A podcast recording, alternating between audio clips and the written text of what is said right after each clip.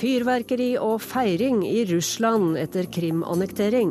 Ingen kan være sikker på Putins neste trekk, sier ekspert. Demokrati under press i Venezuela. Gatas parlament krever stadig flere liv. Syriakrigen skaper uro på Golanhøgda og israelsk dilemma. Verdens tuberkulosehovedstad heter nå London. Ny oppblomstring av sykdommen. Dette er verda på lørdag, og vi skal også til Sinai.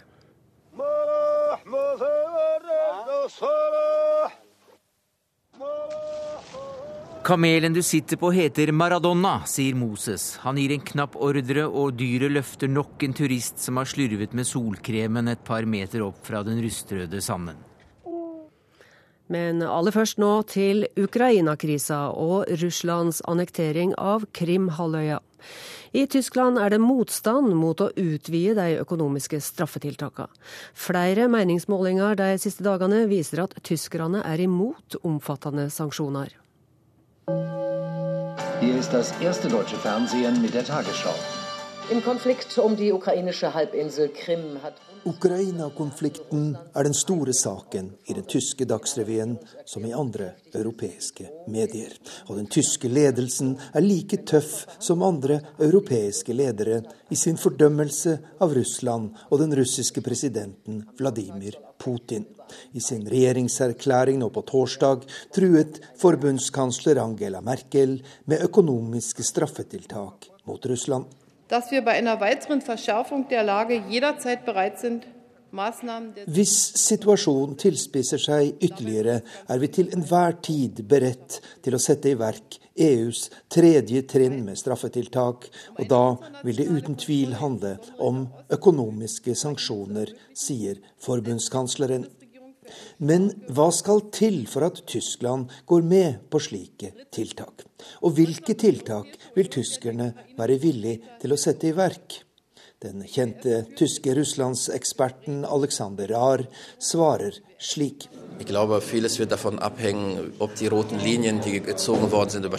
Dette avhenger av om Russland krysser den røde linjen.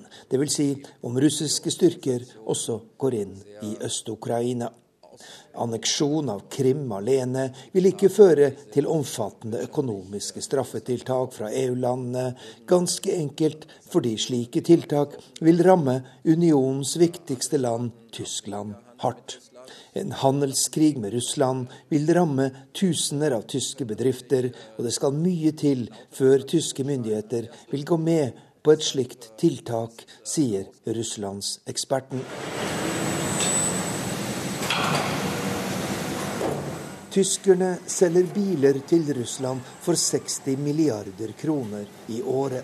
I tillegg kjøper russerne industrimaskiner, elektronikk og legemidler for enorme summer, slik at den årlige eksporten fra Tyskland til Russland er på over 250 milliarder kroner. Til gjengjeld kjøper tyskerne en tredel av den oljen og gassen russerne eksporterer. Prislapp 300 milliarder kroner i året.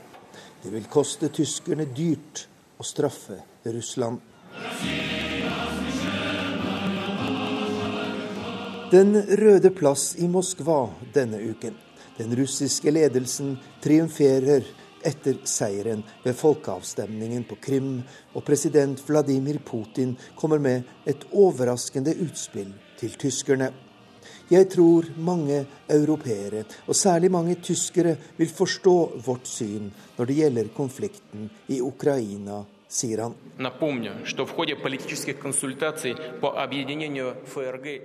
La meg minne om at da den tyske gjenforeningen sto på dagsordenen for 25 år siden, fikk tyske myndigheter klar støtte fra Moskva. Og jeg er sikker på at dagens tyskere ikke har glemt dette, sier Russlands president. Og ifølge meningsmålinger denne uken er det en betydelig forståelse blant tyskerne for Russlands syn i Ukraina-konflikten.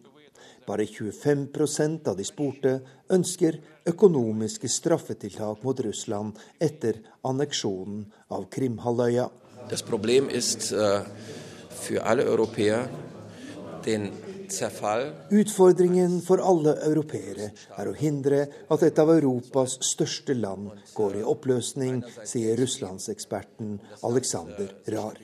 Dette forstår tyskerne med sin dramatiske historie, og de er opptatt av å se konflikten fra begge sider. De meningsmålingene som er gjort, viser at mange tyskere mener USA, EU og den nye ukrainske regjeringen har sin del av ansvaret for den dramatiske situasjonen som er oppstått. Men dersom russiske styrker går inn i Øst-Ukraina, vil stemningen snu dramatisk, sier russlandseksperten. Og det var eh, Arnt Stefansen som rapporterte om Tysklands eh, forsøk på å forstå Russland. Ja, fordømme han, sanksjonere han, men forstår vi Putin? Det spørsmålet skal vi gå litt videre på nå. Og velkommen til deg, professor Pål Kolstø. Hvordan skal vi oppfatte Putin i disse dagene? Jeg tror det er veldig vanskelig å forstå Putin nå, men ikke fordi at han er russer og russerne tenker helt annerledes. For veldig mange russere også har store problemer med å henge med i svingene nå. Putin oppfører seg nå helt annerledes enn han har gjort tidligere. Mye mer emosjonelt, vil jeg si, og mye mer sånn et kortsiktige eh, mål. Eh, og til dels også et, helt i strid med Russlands interesser. Og da eh, må vi gå tilbake og tenke prøve å finne ut hva, hva har skjedd. Og, og, når så du at denne forandringa kom? Ja, det, det, var jo med da disse eh, første russiske troppene dukket opp på Krim, og man hadde satt i gang dette løpet for uh, å uh, åpenbart fra Tanken var at Krim skulle gjenforenes med, med, Russland. Men en del av den argumentasjonen de har brukt, er jo livsfarlig. Som når de sier at altså, tyskerne må forstå oss fordi de har selv vært et delt folk. Eh, så vet vi at det er jo ikke bare på Krim du har etniske russere. Du har jo millioner av etniske russere andre steder også. Det betyr at han ser det som en oppgave å innlemme også disse i Russland. Nei, det tror jeg ikke, men retorikken er farlig. Men hvordan vil du karakterisere denne nye vendinga i Putins oppførsel?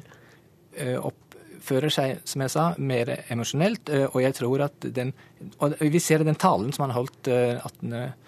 mars så sier han ganske tydelig at eh, vi er blitt lurt av Vesten gang på gang. Eh, man ga oss tomme løfter. Vi prøvde å komme dere i møte, dere gjorde det ikke. Så det, det, dette tror jeg faktisk er ting som både han mener, og som gir resonans i befolkningen.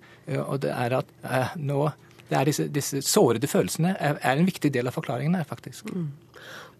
Putin har fått betydelig makt. Eh, Eh, mye mer enn de aller fleste moderne statsledere her. Så han er i stand til eh, å fatte beslutninger på egen hånd, og det er mulig at det på en måte har gått i hodet på han. Men burde, eh, burde Vesten skjønt at Putin kom til å trekke en raus strek ved, ved, Krim? Vesten, eller disse tre EU-utenriksministrene som fremforhandlet denne avtalen i, i, i februar, de prøvde jo å lage en god eh, avtale som tok hensyn til både ukrainske parten og, eh, og, og, Russland og andre. Eh, men den ble jo brutt av ukrainerne, så, så, Vesten ble jo på en måte selv lurt i denne situasjonen. Så, men vi er nå inne i en helt ny fase i den et, etterkalde krig-perioden. Dette er et vannskille. og det er klart at Vesten, eller Europa, Amerika, vil jo føle at de må reagere nå. Det er veldig vanskelig å vite hva som er det riktige. Det er veldig vanskelig å vite hva som vil kunne få positive reaksjoner. Reaksjoner vil du kunne få, men du kan få at russerne bare graver seg enda mer ned. Men samtidig kritiserte jo da Putin Vesten for å drive 'rule by the gun', som var uttrykket han brukte. Eh, altså at eh, særlig USA, da, eh, har sine brudd på folkeretten. Absolutt. Og, og he, både da eh, Kosovo-krisen i 1999, eh, hvor ikke bare Putin, men alle de russere jeg kjenner, var dypt sjokkert over hvordan man da Vesten tok seg til rette eh, i, i, Serbia. Eh, men også Irak-krigen og mange andre tilfeller hvor de, de, de sier at eh, amerikanerne særlig, da, men også andre vestlige land, Eh, driver med ren eh, kynisk maktpolitikk. Så dette med at folkeretten nå blir eh, flagga fra amerikansk side, det, gjør, eh, det, trenger ikke å gjøre veldig sterkt inntrykk på et russisk publikum? Nei, virkelig ikke. De mener at, at eh, de nå bare gjør det som de vestlige landene har gjort i lang tid. Problemet for russerne er jo når de sier at det dere gjorde i Kosovo var fullstendig forkastelig, så nå gjør vi det samme. Altså, hvorfor, da, da, da sier de på en måte selv at det vi gjør er forkastelig. Vi har med oss eh, Gro Holm i Washington. Du er jo også Russland-kjenner. Og det at Putin så å si peker nese av at eh, USA kommer med folkeretten, eh, hvordan blir det oppfatta der du er nå? Her i USA så oppfatter nok flertallet både i det politiske miljøet og utenfor Putin som en annerledes politiker enn det de kjenner herfra. En som følger sin egen eh, logikk, så å si. Og eh, hovedoppfatningen er at det er bare makt som kan stanse Putin fra å gå videre inn i Øst-Ukraina og ellers i, i, grenseområdene rundt Russland nå. Eh, det er relativt få som, som tror at Putin eh, mener alvor når han sier at han ikke kommer til å gå videre i Ukraina. Mm, så hans retorikk blir tatt på høgste alvor, slik du oppfatter det?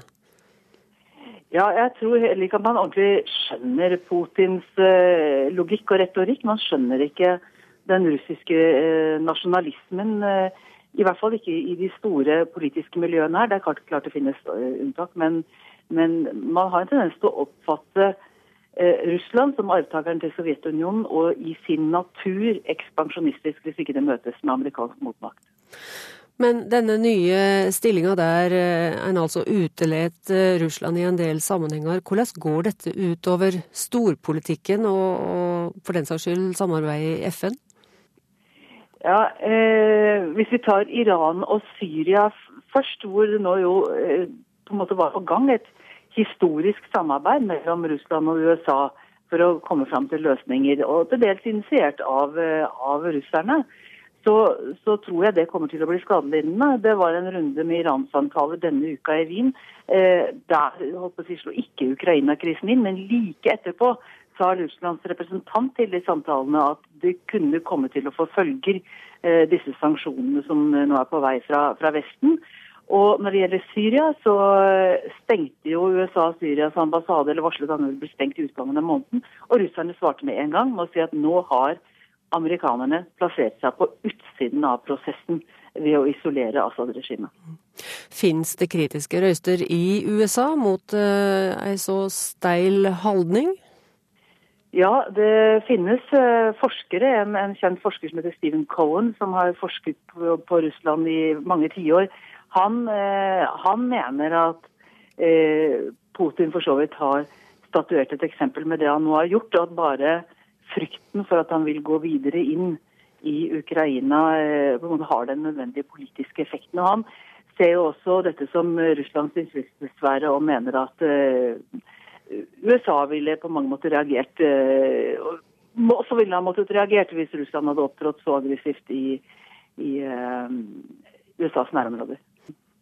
Nato er jo viktig her i Europa. Eh, hvordan blir Natos rolle oppfatta i USA?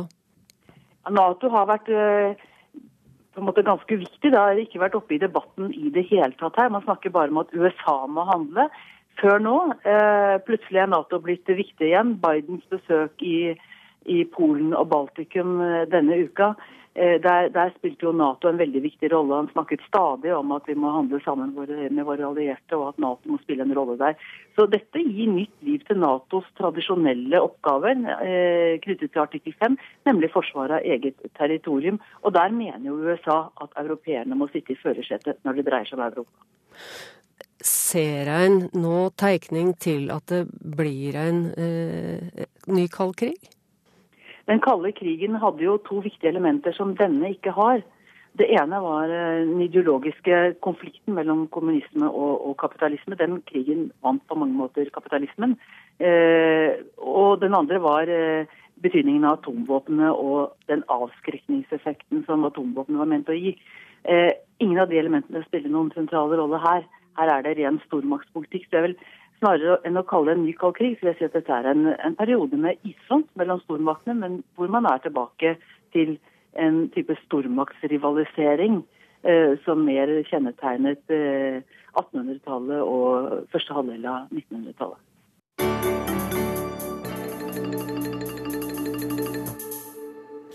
Til Latin-Amerika nå. Eh, I Venezuela er det stadig gateuro og protestaksjoner. Denne veka ble to ordførere som er i opposisjon til president Nicolas Maduro, arresterte. De to er skylda for å ha nøra opp under uroa den siste tida, og arrestasjonene av dem førte igjen til ny uro.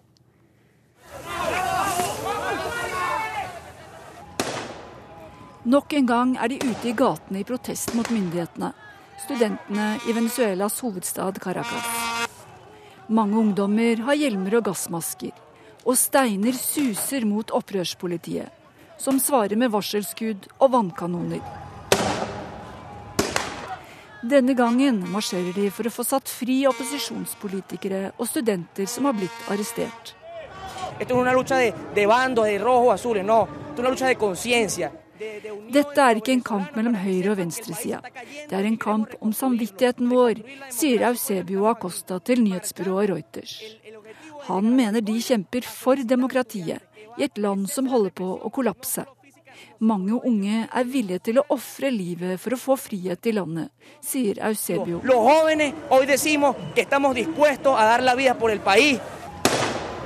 Onsdagens demonstrasjoner kom etter at to ordførere som er i opposisjon til president Nicolas Maduro, ble satt bak lås og slå.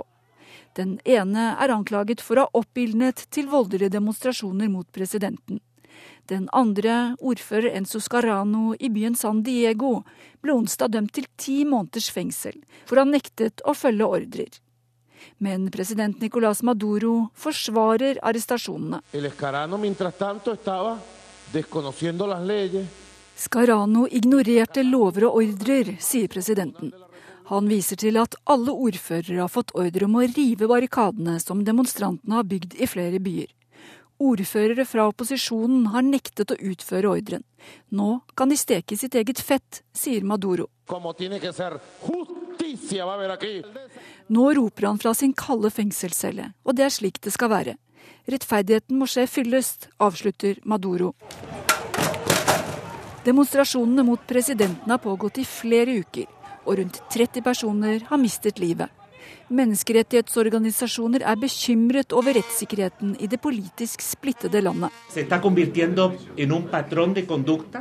Det har blitt et mønster at myndighetene i Venezuela gir ordrer om å arrestere politiske ledere uten å ha bevis mot dem. Det sier José Miguel Vivanco fra organisasjonen Human Rights Watch. Han legger til at det ikke finnes noen demokratiske institusjoner som er i stand til å stoppe misbruket av makt i Venezuela. Og reporter her var Inger Marit Kolstadbråten. Og vi har fått med oss Latin-Amerika-kjenner eh, Leiv Marsteintrede her i studio. Velkommen. Takk, takk. Hvor alvorlig vil du si at denne siste eh, utviklinga i Venezuela er, og Maduros handlemåte her? Det er jo ganske alvorlig. Eh, jeg vet ikke om det er en så stor eskalering av det som har foregått, men Venezuela har jo vært inne i en alvorlig situasjon nå med disse protestene ganske lenge. Og under her så ligger det også en veldig alvorlig og dyp økonomisk krise eh, og en sikkerhetssituasjon for befolkningen som er kritisk. Eh, så, så landet i seg sjøl er i en, dyp og alvorlig eh, krise som, som, det er vanskelig å se noen vei ut av akkurat nå. Det gir jo et ekko til Ukraina når Maduro og hans folk faktisk da skulle opposisjonen for fascisme? Ja, ja, det gjør jo det, og det, det skjer jo eh, samtidig. Eh, så på, på, den, på, den, annen side så tror jeg vel kanskje Venezuela nærmest, eh, i hvert fall regimet, så eh, trekker et lettelsens sukk over det som skjer i Ukraina, for at eh, da er medienes oppmerksomhet i øst, som kanskje virker til å være en langt mer alvorlig internasjonal situasjon enn det det er i Venezuela. og jeg tror nok de er glad for å få de større mediene vekk fra, fra landet sitt. Men så vil vel da andre si at nettopp gateslaga er jo sett i verk for å tiltrekke seg media. Hvem står bak? Ja, I Venezuela så begynte jo dette her som en, som en spontan studentdemonstrasjon, eller demonstrasjoner mot en, en, voldtekt faktisk av en kvinnelig student. Og da en reaksjon på sikkerhetssituasjonen. Altså, Venezuela er et av de farligste landene i verden, det nest farligste i, i Latin-Amerika. Svært mange drap, eh, og få blir oppklart. Eh, og under det så lå det også gryende eh, misnøye med den økonomiske situasjonen. Det er mangel på matvarer, det er en veldig høy inflasjon. Ehm, så det begynte blant ungdom og blant studenter. Ehm, samtidig så var det da eh, politikere i opposisjonen som ehm, tok sjansen eh, og heiv seg på, og ønsker å gjøre dette her til en, en mulighet å bruke gatene til å fjerne Maduro og fjerne Chávez Maduro-regimet eh, gjennom protester, demonstrasjoner og kaos. Ja, enkelte vil da si at dette er forsøk på kupp. Andre vil si at det er å utnytte demokratiet. Demokratiets mulighet. Ja, eh, det, er, eh, det ligger jo vel et sted midt imellom. Eh, for øyeblikket så, så foregår jo dette i gatene, og det er nå en verdi i demokratiet at man har lov til å demonstrere demonstrere, og det burde vel være lov også å kunne kreve en presidents avgang. Men det er klart at når en president er valgt, så er jo tanken at denne presidenten skal sitte til neste valg. Eh, problemet i Venezuela er at eh, det eksisterer få institusjoner der opposisjonen og regimet kan møtes og ha en dialog og diskutere den politiske utviklingen. Eh, og da blir det jo til at opposisjonen trekker til gatene. Samtidig så mener jo mange i opposisjonen fremdeles i dag at Maduro ikke ble valgt på demokratisk vis, at det foregikk valgfusk. Så for opposisjonen så virker dette som en logisk måte å, å, handle på. Dette med gateslag er jo så å si ditt fagfelt. Du har sett på mange eh, gateopprør i Latin-Amerikas nyere historie. Og eh, hvor går grensa, slik du ser det, eh, til å være en helse, helsemessig god prosess, og til å være det motsatte? Det, det, kommer vel, det kommer an på flere faktorer. Det ene går på hvilket regime er de protesterer mot. I Latin-Amerika så eksisterer det mange regimer som ikke nødvendigvis er de mest demokratiske. Så det er klart at det, når man protesterer mot en autoritær leder, slik som en Fujimori var det i Peru for en 10-12 år siden, eh, så er det klart at da, da, ser man eh, fjerningen av presidenten som en demokratisk seier, også internasjonalt. Men, men ser du at Maduro har slike karaktertrekk at det rettferdiggjør Eh, gateopprøret? Vel, Det er jo her man kommer inn på den politiske diskusjonen, da, og det blir jo fort en venstre-høyre-diskusjon. Eh, men det er klart, i, i Sør-Amerika og nabolandene så, så, ser man at eh, Maduro er demokratisk valgt, og han er en demokratisk president. Men det er klart, regimet har lenge hatt autoritære trekk.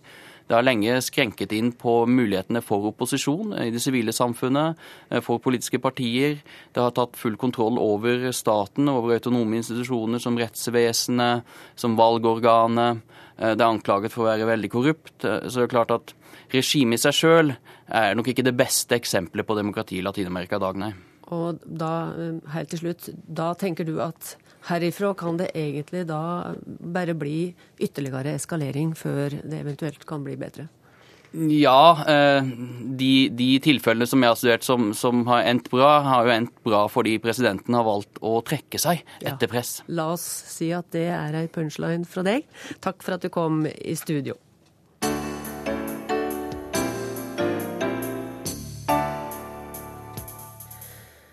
Denne veka angrep Israel flere mål inne i Syria. Dette for å hevne ei vegbombe som skada fire israelske soldater på Golanhøgda. For Israel har lite interesse av å blande seg inn i denne syriske borgerkrigen. Sissel Wold kommenterer. Kofi Annan heter en av verdens mest interessante kafeer.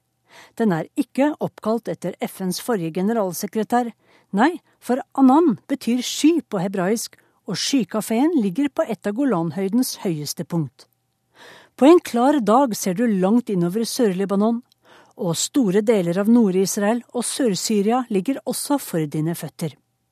Ved siden av kafeen kan du gå inn i israelske bunkere og skyttergraver, bygget etter at Israel okkuperte de svært strategiske høydedragene i 1967. Alt ser så grønt og fredelig ut herfra, men du ser altså utover blodstengte marker der kriger har herjet i århundrer. For ser du godt etter, ser du også ruinene etter to korsfarerborger. Men grensen mellom Syria og israelskokkupert Golan har vært rolig i 40 år nå. FN-observatørene i Undof har voktet våpenhvilen mellom de to fiendene. På Golan har de israelske bosetterne drevet med epleproduksjon og blitt kjent for sine gode viner. Druserne lever sitt liv i sine landsbyer. Kampen om Syria pågår på den andre siden av gjerdet, på den syriske delen av Golanhøydene.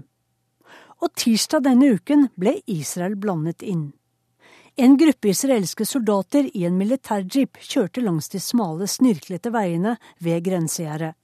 De så noe de ville sjekke nærmere, og gikk ut av bilen. Da gikk en veibombe av og skadet de fire soldatene. En ble hardt skadd. Dagen etter kom svaret. Israelske jagerfly bombet det de anså som militære mål inne i Syria. Én person ble drept og sju skadd. For som statsminister Benjamin Netanyahu forklarte, den som skader oss, den skader vi. Kilder i israelsk etterretning mener at det syriske regimet bare kontrollerer en tredjedel av grensen på Golanhøyden. Resten kontrolleres av 20 forskjellige opprørsgrupper, blant dem jihadister og Israels erkefiende, det iranskstøttede Hizbollah. Selv om det var nok av kandidater, tok ingen av disse gruppene på seg skylden eller æren for angrepet mot den israelske patruljen. Og når ingen står frem, er det president Bashar al-Assad som står ansvarlig for det som skjer i hans land, mener Israels forsvarsminister Moshe Ya'alon. Israelske militæranalytikere mener imidlertid at Hizbollah står bak bomben. For onsdagens israelske flyangrep er ikke det første i Syria. Men det er den første gangen den israelske regjeringen snakker åpent om det. I den syriske borgerkrigens kaos mener israelerne at Hizbollah transporterer våpen til Sør-Libanon for å fylle opp sine lagre der. Disse våpentransportene er blitt bombet flere ganger, og sporene peker mot Israel. Hizbollah-leder Hassan Nasrallah vil ta hevn for disse angrepene, men uten å etterlate seg fingeravtrykk, skriver militærkommentator i Israels største avis Yediota Chronot, Ron Ben Yishai. Men selv om Israel involverte seg i Syria-konflikten denne uken, tyder lite på at det blir mer enn noen små stikk her og der. For verken Israel eller Hizbollah er tjent med, eller ønsker seg, noen opptrapping. A villa in the jungle er hva israelerne kaller seg. En rolig flekk i et hav av arabiske opprør og ustabilitet. Israelerne er tjent med å sitte stille i båten. Selv om Israel formelt er i krig med president Bashar al-Assad, er det ingen interesse for å støtte opprøret mot ham. For det første ville Israel befinne seg på samme side som Al Qaida og andre jihadister. Ingen etterlengtede sengepartnere. For det andre har Israel forhandlet med Assad-familien om en fredsavtale, og var like ved å lykkes, så Assad har vært en partner og kan bli det igjen. Og dessuten, en stabil diktator er alltid å foretrekke fremfor et uforutsigbart opprør, eller gud forby, et demokrati som fører islamister til makten. Hizbollah har også sine hensyn å ta. Siden det sjiamuslimske Iran støtter alawitten Bashar al-Assad, har Iran kommandert ut sjiamuslimske Hizbollah til å kjempe mot sunni-opprørerne i Syria. Iran er Hizbollahs største sponsor, og nå er det payback time. Hizbollah, som bestandig har kjempet mot Israel, og som sympatiserer med palestinerne, har med ett havnet på motsatt side av palestinerne i Syriakrigen. Hizbollah vet også at Israel vil straffe hele Libanon, og Damaskus for den saks skyld, for hva den libanesiske sjiamilitsen gjør. For det skjedde sommeren 2006. Da angrep Hizbollah en israelsk militærpatrulje, drepte tre soldater og kidnappet to. Israel svarte med å bombe Libanons internasjonale flyplass i Beirut og angrep mål i hele Libanon. Israel lanserte Dahya-doktrinen, altså usymmetrisk krigføring der sivilbefolkningen er målet. Nesten 1200 sivile libanesere mistet livet som følge av Israels bombing. Dette er prisen for at Libanon lar Hizbollah angripe oss fra sitt territorium, var budskapet fra Israel. Og avskrekkingstaktikken virker, for det skal mye til før Hizbollah risikerer medborgeres liv på samme måte igjen. I 40 år har FNs UNDOF overvåket buffersonen mellom Israel og Syria på Golanhøyden. Stort sett en lett oppgave, til i fjor. Da ble 21 FN-filippinere tatt som gisler av opprørsgruppen Jarmuks martyrer. Kidnapperne krevde at Assads styrker skulle trekke seg ut fra en landsby. UNDOF-observatørene ble satt fri etter noen døgn. Men gisseltakingen førte til at Kroatia og Østerrike trakk seg fra UNDOF. Inn steppet Fiji, Irland og Nepal til israelernes lettelse. For om FNs blå beretter forsvinner fra buffersonen, er det høyst uklart hvem som vil fylle dette sensitive tomrommet. Muligens står 20 opprørsgrupper og martyrbrigader klare, noe som vil gi Israel en helt ny utfordring på Golan.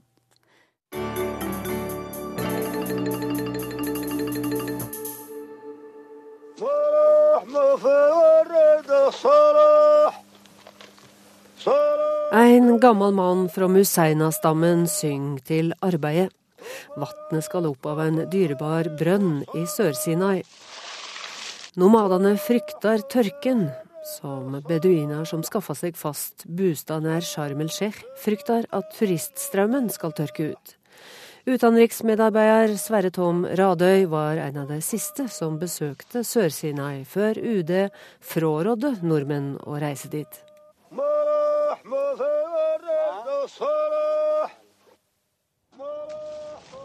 Kamelen du sitter på heter Maradona, sier Moses. Han gir en knapp ordre, og dyret løfter nok en turist som har slurvet med solkremen et par meter opp fra den rustrøde sanden.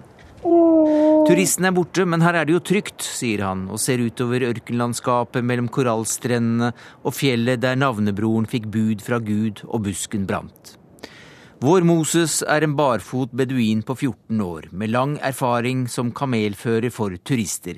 Den lille prosenten av dem som får med seg en kjapp ørkenopplevelse mellom morgendykket og kveldsbadet blant korallfiskene i Rødehavet. Denne dagen er det ikke mange av oss som har tatt turen ut forbi hotellenes bevæpnede vakter. Dagen før tok en bilbombe i Taba livet av tre turister og en sjåfør. Det er bare 20 mil unna.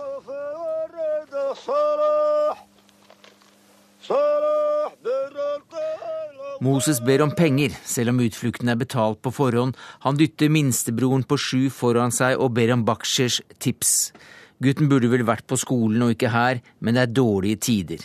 For en drøy generasjon siden var slike unger opptatt med å gjete geiter og finne brensel. Landet tilhørte deres stamme, Museina. Også Sharm el-Sheikh var deres, trodde de. Men heller ikke i Sinai har nomader eiendomsrett over jorda de har levd av i århundrer, kun bruksrett.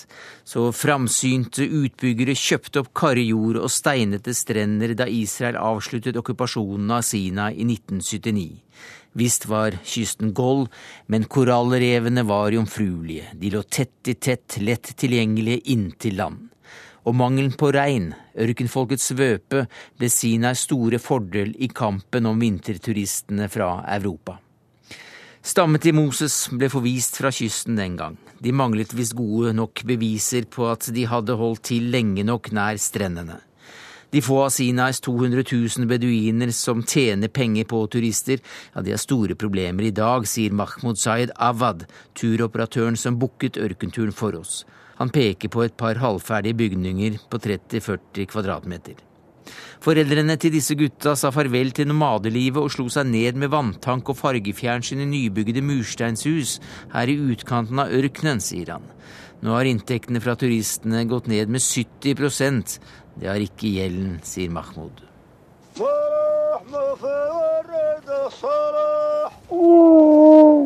Kamelen Maradona er en gammel kjenning. For 15 år siden var det lett å avtale seg lange ørkenturer med beduinene direkte. De lærte deg å ri raskt, de slaktet en geit, serverte kjøttet med usyret brød og bitre urter, som skrevet står, og de passet på at bålet ikke brant helt ned i nattekulden.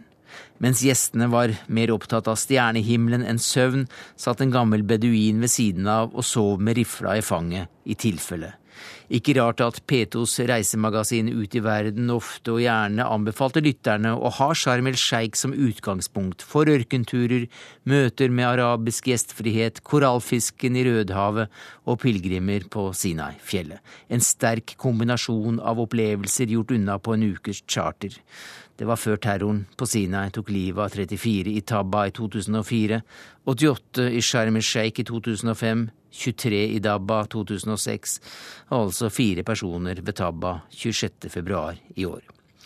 Mahmoud fra sønnen Fun avdeling Hyatt har vært i bransjen i 16 år og aldri vært mer bekymret. Uh, have been working for, for time, the, the Egypt, um, Dette er den største krisen siden turismen kom til Sharm. Hotellene har hatt nær 100% belegg i mange år, sier Mahmoud. Men etter revolusjonen for tre år siden har sju av ti turister forsvunnet. Mahmoud støttet revolusjonen den gang og stemte for Det muslimske brorskapet. Nå har han snudd og satser på at Egypts sterke mann, general Sisi, skal ordne opp. Da vil det bli ro, og turistene vil komme tilbake, inshallah. De eneste som tør komme nå er russere, sier Mahmoud. Han er ikke begeistret. De bor på hoteller der alt er inkludert, og der blir de. Ikke et pund når ut til lokalbefolkningen. Russerne behandler oss uten respekt og gjør mye dumt, sier Mahmoud, og viser hvordan en tenkt flaske tømmes. Selv er han fra Kairo og vurderer å gi opp hele turistbusinessen og reise hjem. Det valget har ikke beduinene, og de har få venner. Storsamfunnet har ikke stolt på stammenes lojalitet, og myndighetene har vært bekymret for deres uregjerlighet i årtier. Beduiner avtjener ikke verneplikt i dag. Noen skal ha samarbeidet med israelske myndigheter, flere er beryktet som storsmuglere av våpen, narkotika og ikke minst mennesker. Noen tar gisler og forlanger løsepenger eller amnesti for fengslede stammemedlemmer. Etter den arabiske våren opptrer enkelte stammer enda mer suverent i forhold til Kairo. Myndighetene frykter fremveksten av et terrornettverk. Forskere advarer mot at Sinai kan bli et nytt hotspot i så måte, og anbefaler tiltak for å hindre en total kollaps av sikkerheten på halvøya. Mahmoud frykter også at søkt uro fører til mindre turisme, som fører til dårligere tider, som fører til radikalisering av islamistiske miljøer, og dermed mer uro, mindre turisme og økt nød. يعني ان شاء الله we'll get rid of that. We'll get rid of that. Selskaper som Hyatt og Four Seasons klarer seg alltid. Dette går først og fremst utover oss som arbeider her, sier Mahmoud, og snur seg mot Moses i Sinai-ørkenen.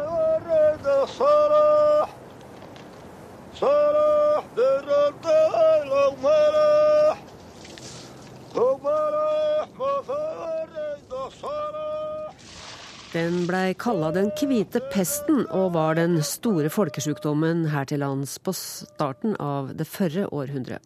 Med vaksiner og antibiotika rekna vi lenge med at tuberkulose kom til å bli utrydda, men nå er det ei ny oppblussing. Og bakteriene reiser mer og lengre enn før. Charlotte Bergløf rapporterer.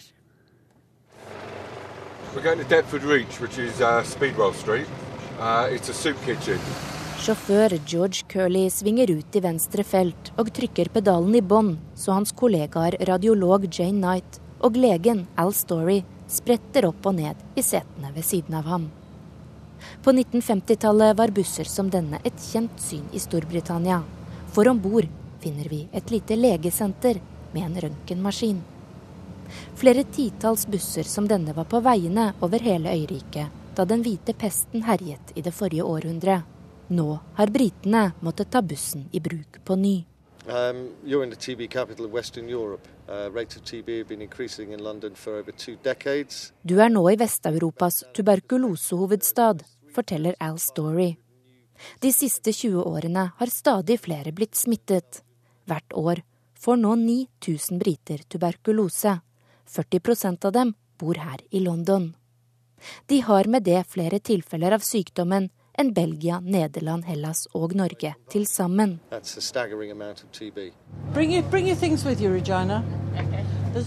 Find and Treat går derfor aktivt ut med bussen og oppsøker folk som befinner seg der bakterien trives best. hos hjemløse og andre med dårlig hygiene.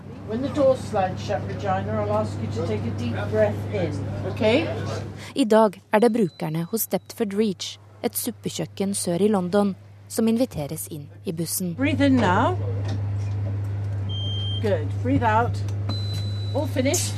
De hjemløse vet at de er i faresonen pga. sin livsstil. Men ettersom sykdommen smitter gjennom luften, kan den slå til hos hvem som helst. Et nys på T-banen kan være nok. I began to notice that I had a um, cough developing that I couldn't seem to shake off. I'd assumed that I would recover with a couple of weeks rest and some good food.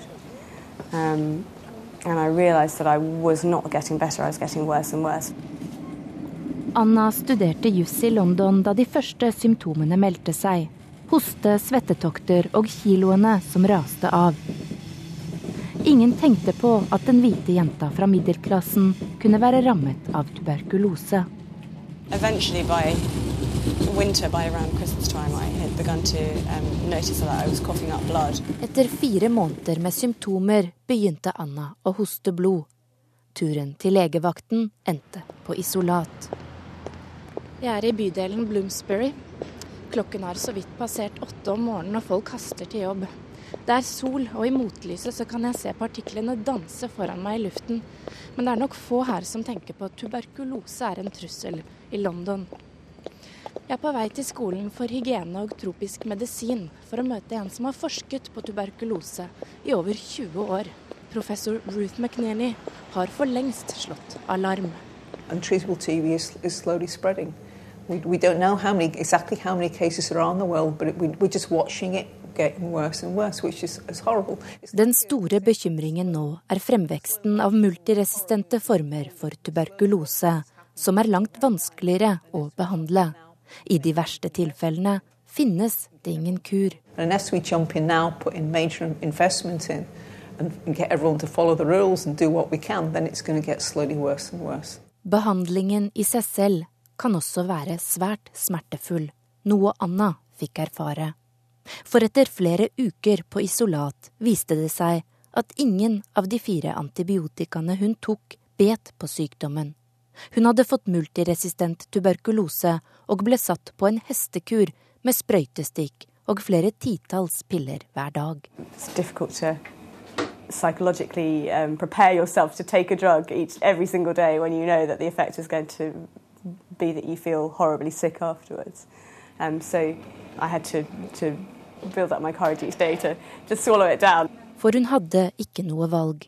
Hun var blitt en helsefare for andre og ble sperret inne på isolat i nesten fem måneder. Medisinene måtte hun fortsette med i et år til, før hun til sist klarte å bli frisk og fullføre studiene. I dag jobber hun som advokat i hjertet av London.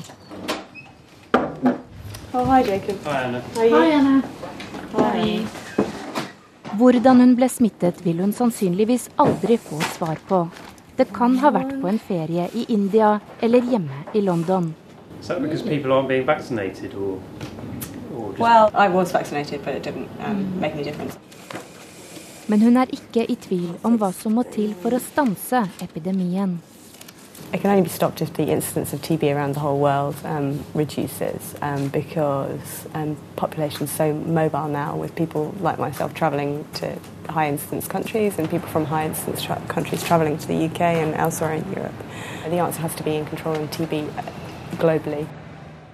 Og nettopp for å få tatt tak i det på globalt plan, skal det markeres verdens tuberkulosedag på mandag. Over til Brasil nå, som er et populært turistmål, og for homofile særlig ettertrakta, skal vi tro, brasiliansk reise-PR. Men å være homofil og evangelisk kristen er derimot ikke så lett i Latin-Amerikas største land. Det vil en mann gjøre noe med. Han starta sin egen hom homsekirke, og har fått fulle hus under sine messer, rapporterer Stig Arild Pettersen fra Rio de Janeiro. Her inne i Igreja Contemporania i Madureira nord i Rio de Janeiro, langt fra byens berømte strender, står aircondition på 18 kalde grader. For det er stappfullt i det lille evangeliske gudshuset denne onsdagskvelden. Folk synger av full hals, lovpriser Gud og ja, et uvanlig antall par av samme kjønn holder kjærlig rundt hverandre. Pastor Marcos Gladstone entrer scenen. Med et perfekt klippet hår, perfekt kledd i skreddersydd dress og med et lyseblått slips. Han holder forsamlingen på 200 mennesker i sin hule hånd. Det er ingen forskjell på denne kirken og andre evangeliske kirker, mener pastor Marcos. Bortsett fra én. Na questão de entender a orientação sexual como uma coisa normal e natural. Vi anser flere seksuelle legninger som noe helt naturlig, sier pastoren, som for åtte år siden grunnla det som nå er mest kjent som homokirken. Jeg var medlem av en evangelisk kirke tradicional e lá eu vivia meus conflitos, né? Jeg var medlem av en tradisjonell evangelisk kirke og forsøkte å utfordre deres syn på homofili, sier Marcos Gladstone, som allerede da var kjæreste med en annen kristen mann, etter lenge å ha forsøkt å leve etter kirkens strenge heteroseksuelle dogme. Eu Men de aksepterte meg ikke som jeg var, og heller ikke mitt argument om at Bibelen ikke på noe sted fordømmer homofili. Så jeg bestemte meg for å danne min egen kirke. Og det ble fort klart at veldig mange andre homofile hadde det samme behovet som meg, forteller Gladstone. Som selv har forfattet bestselgerboka 'Bibelen uten fordommer', der han tilbakeviser alle påstander om Bibelens fordømmelse av homofili. Vi har historien på vår side. Teologien har alltid vært i endring, sier pastor Marcos. Vi preker inkluderingsteologi. Sexual. Por isso se chama contemporâneo. Exatamente, a gente, porque a gente veio pregar o mesmo evangelho que Jesus. Ja, og nettopp derfor kaller vi oss kontemporære. Fordi vi gjør som Jesus. Gjør opprør mot den bestående kirken og religionen. Han brakte de marginaliserte inn. Dette er en kirke for vår tid. Uma igreja do nosso tempo. É, é muito importante. En egen homokirke trengs virkelig, sier 26 år gamle Adriano til meg på kirketrappa etter gudstjenesten. Precisa porque as pessoas das igrejas tradicionais não nos aceitam. Elas falam que nós somos abominação, que nós vamos arder no mármore do inferno. Folk i vanlige kirker aksepterer oss ikke. De mener vi synder, at vi skal til helvete. De mobber oss, kritiserer oss, mener at vi er de verste menneskene i hele verden. Her kan jeg være fri. Jeg kan danse og synge, jeg kan være meg selv. For Gud gjør jeg hva som helst. Sempre eu canto, eu louvo, eu danço. Para Deus eu faço tudo.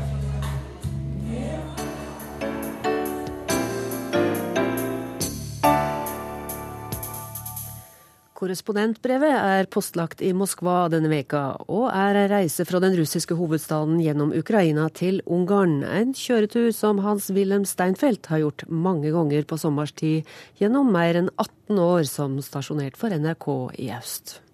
Ukraina betyr på russisk 'på kanten'. Ukraina, underforstått, mente man kanten langs polskegrensen, for i gamle dager var Polen en stormakt her i øst. I sovjettiden sa man 'på Ukraina', omtrent som på landet først da Ukraina kom seg fri fra Sovjetunionen, skulle man si 'i Ukraina' på russisk. Min kone som er fra Budapest og jeg har gjort noen turer med bil gjennom dette enorme Ukraina som ligger mellom Russland og Ungarn. I gamle dager var det jo ingen grense mellom Russland og Ukraina. Den kom med oppløsningen av Sovjetunionen. Da Krim ble gitt til Ukraina i 1954 av ukraineren Nikita Khrusjtsjov, så betød det lite i praksis, for det var nå et land, denne Sovjetunionen. Denne uken innførte ukrainerne visumplikt for sitt russiske såkalte broderfolk, som Putin fortsatt kaller ukrainerne, etter denne tragiske vinteren. Å kjøre langs de lange alleene mot Kiev øst fra Russland var alltid en fornøyelse, innimellom bugnet kornåkrene, og da særlig i sør her i dette landet som kalles Europas spiskammer. I landsbyene sitter de gamle konene på trebenkene foran stakittgjerdene.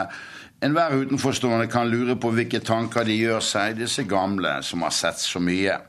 Min kones oldemor Irene var en slik bondekone i Øst-Ungarn på begynnelsen av 1600-tallet. Lå forresten store deler av Vest-Ukraina i nettopp Ungarn og Polen.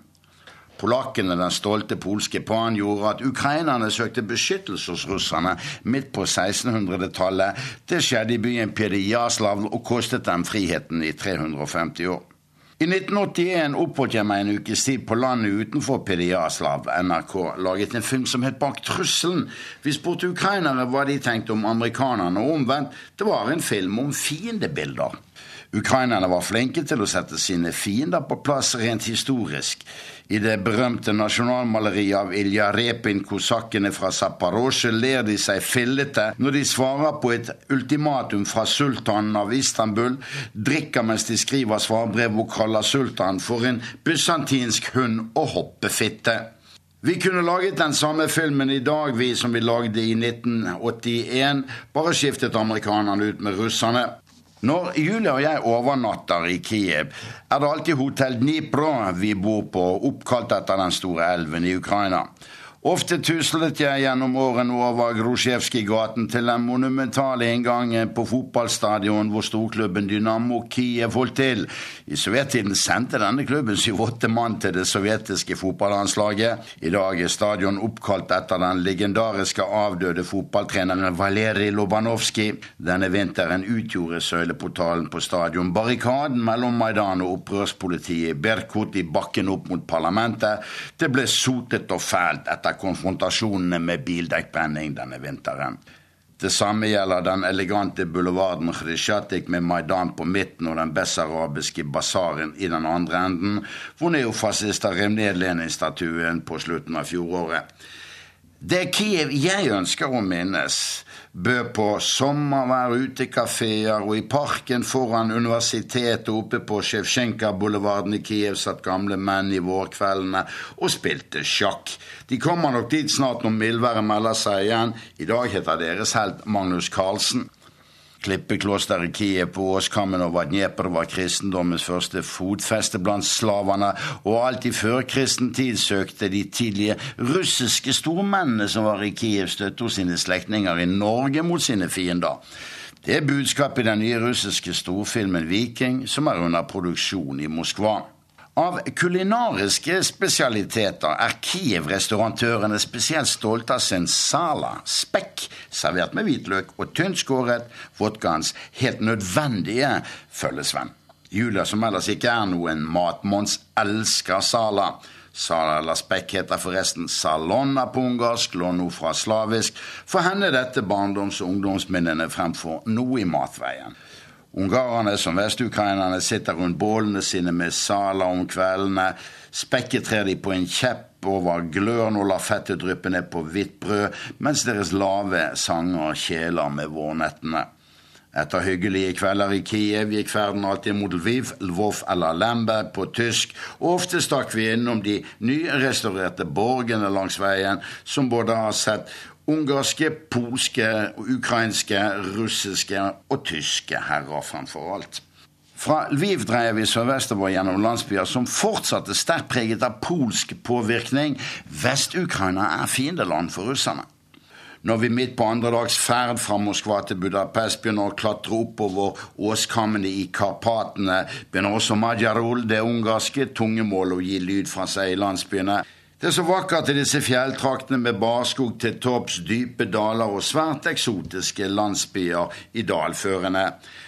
200 000 ungarere bor i Karpaten, og særlig rundt byen Uzjgorod like ved grenseovergangen Chop med ungarske Zahon på andre siden. En gang sendte postkommunistiske ukrainske tollere meg til syv forskjellige treboder på grensestasjonen Chop for at jeg skulle få alle nødvendige stempler i bilpapirene før de ville slippe oss inn i Ungarn. Jeg visste jo ikke min arme råd, og da jeg like greit begynte på den andre runden mellom alle disse bodene, stanset Jula meg leende av min forvirring. De kan jo være noen sataner også, disse ukrainerne, de er ikke bare engler på Maidanplassen. Men den jevne ukrainer hadde fortjent bedre enn det livet som korrupte russiske og ukrainske eliter bød befolkningen da ukrainerne massivt stemte for å bryte ut av Sovjetunionen 1.12.1991. Da var også den sovjetiske supermakten ferdig. Språket deres ligger et sted midt mellom polsk og russisk, skjønt de skriver på kyrillisk. Russerne var, og kalles fortsatt for storebror her i Ukraina. Det er ikke bare pent ment, for som storebror kunne russerne fare meget hardt frem i Ukraina gjennom historien, enten russerne opptrådte som kosakker eller kommunistiske kommissærer. Dette slaviske, hardhendte samlivet var det folk på Maidan ville bort fra. Så det gjordes en oransje revolusjon i 2004. Men deres ukrainske ledere Julia Timosjenko og Viktor Jusjenko stjal den friheten fra folk. Så gjorde ukrainerne opprør til slutt mot russeren Viktor Janukovitsj i forrige måned. Deretter stjal Putin Krim fra dem. Jeg skal være forsiktig med å spå om ukrainernes fremtid, men de hadde virkelig fortjent en hjelpende hånd nå for å rekke frem til den lysende fremtid som Stalin lovte dem, men aldri ga dem.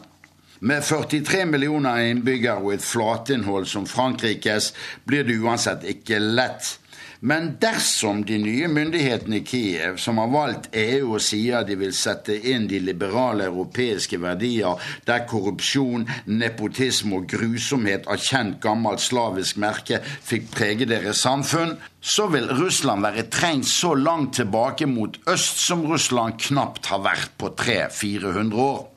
I hymnen til Ukraina er det en strofe som lyder Ennå har ikke Ukraina gått til grunne, men det har røynet på det siste halvåret, og det er som om ordene suser gjennom trekronene på bartrærne i Karpatene når vi passerer til det utvidede Vest-Europa og Ungarn, som en gang var invadert av russerne i 1956 og dominert i Warszawapakten, her i Øst-Europa, hvor jeg har tilbrakt 20 leveår av i alt de siste 40 år. Hans-Wilhelm Steinfeld på vandring langs landeveiene i Ukraina. Og en kortversjon av dette brevet kan du høre på NRK P2 seinere i ettermiddag klokka 16.40. Denne sendinga kom på lufta takka være Finn Lie i teknikken og Tove Nilsen Søtorp her i studio. Sigrun Slapkar. takk for oss.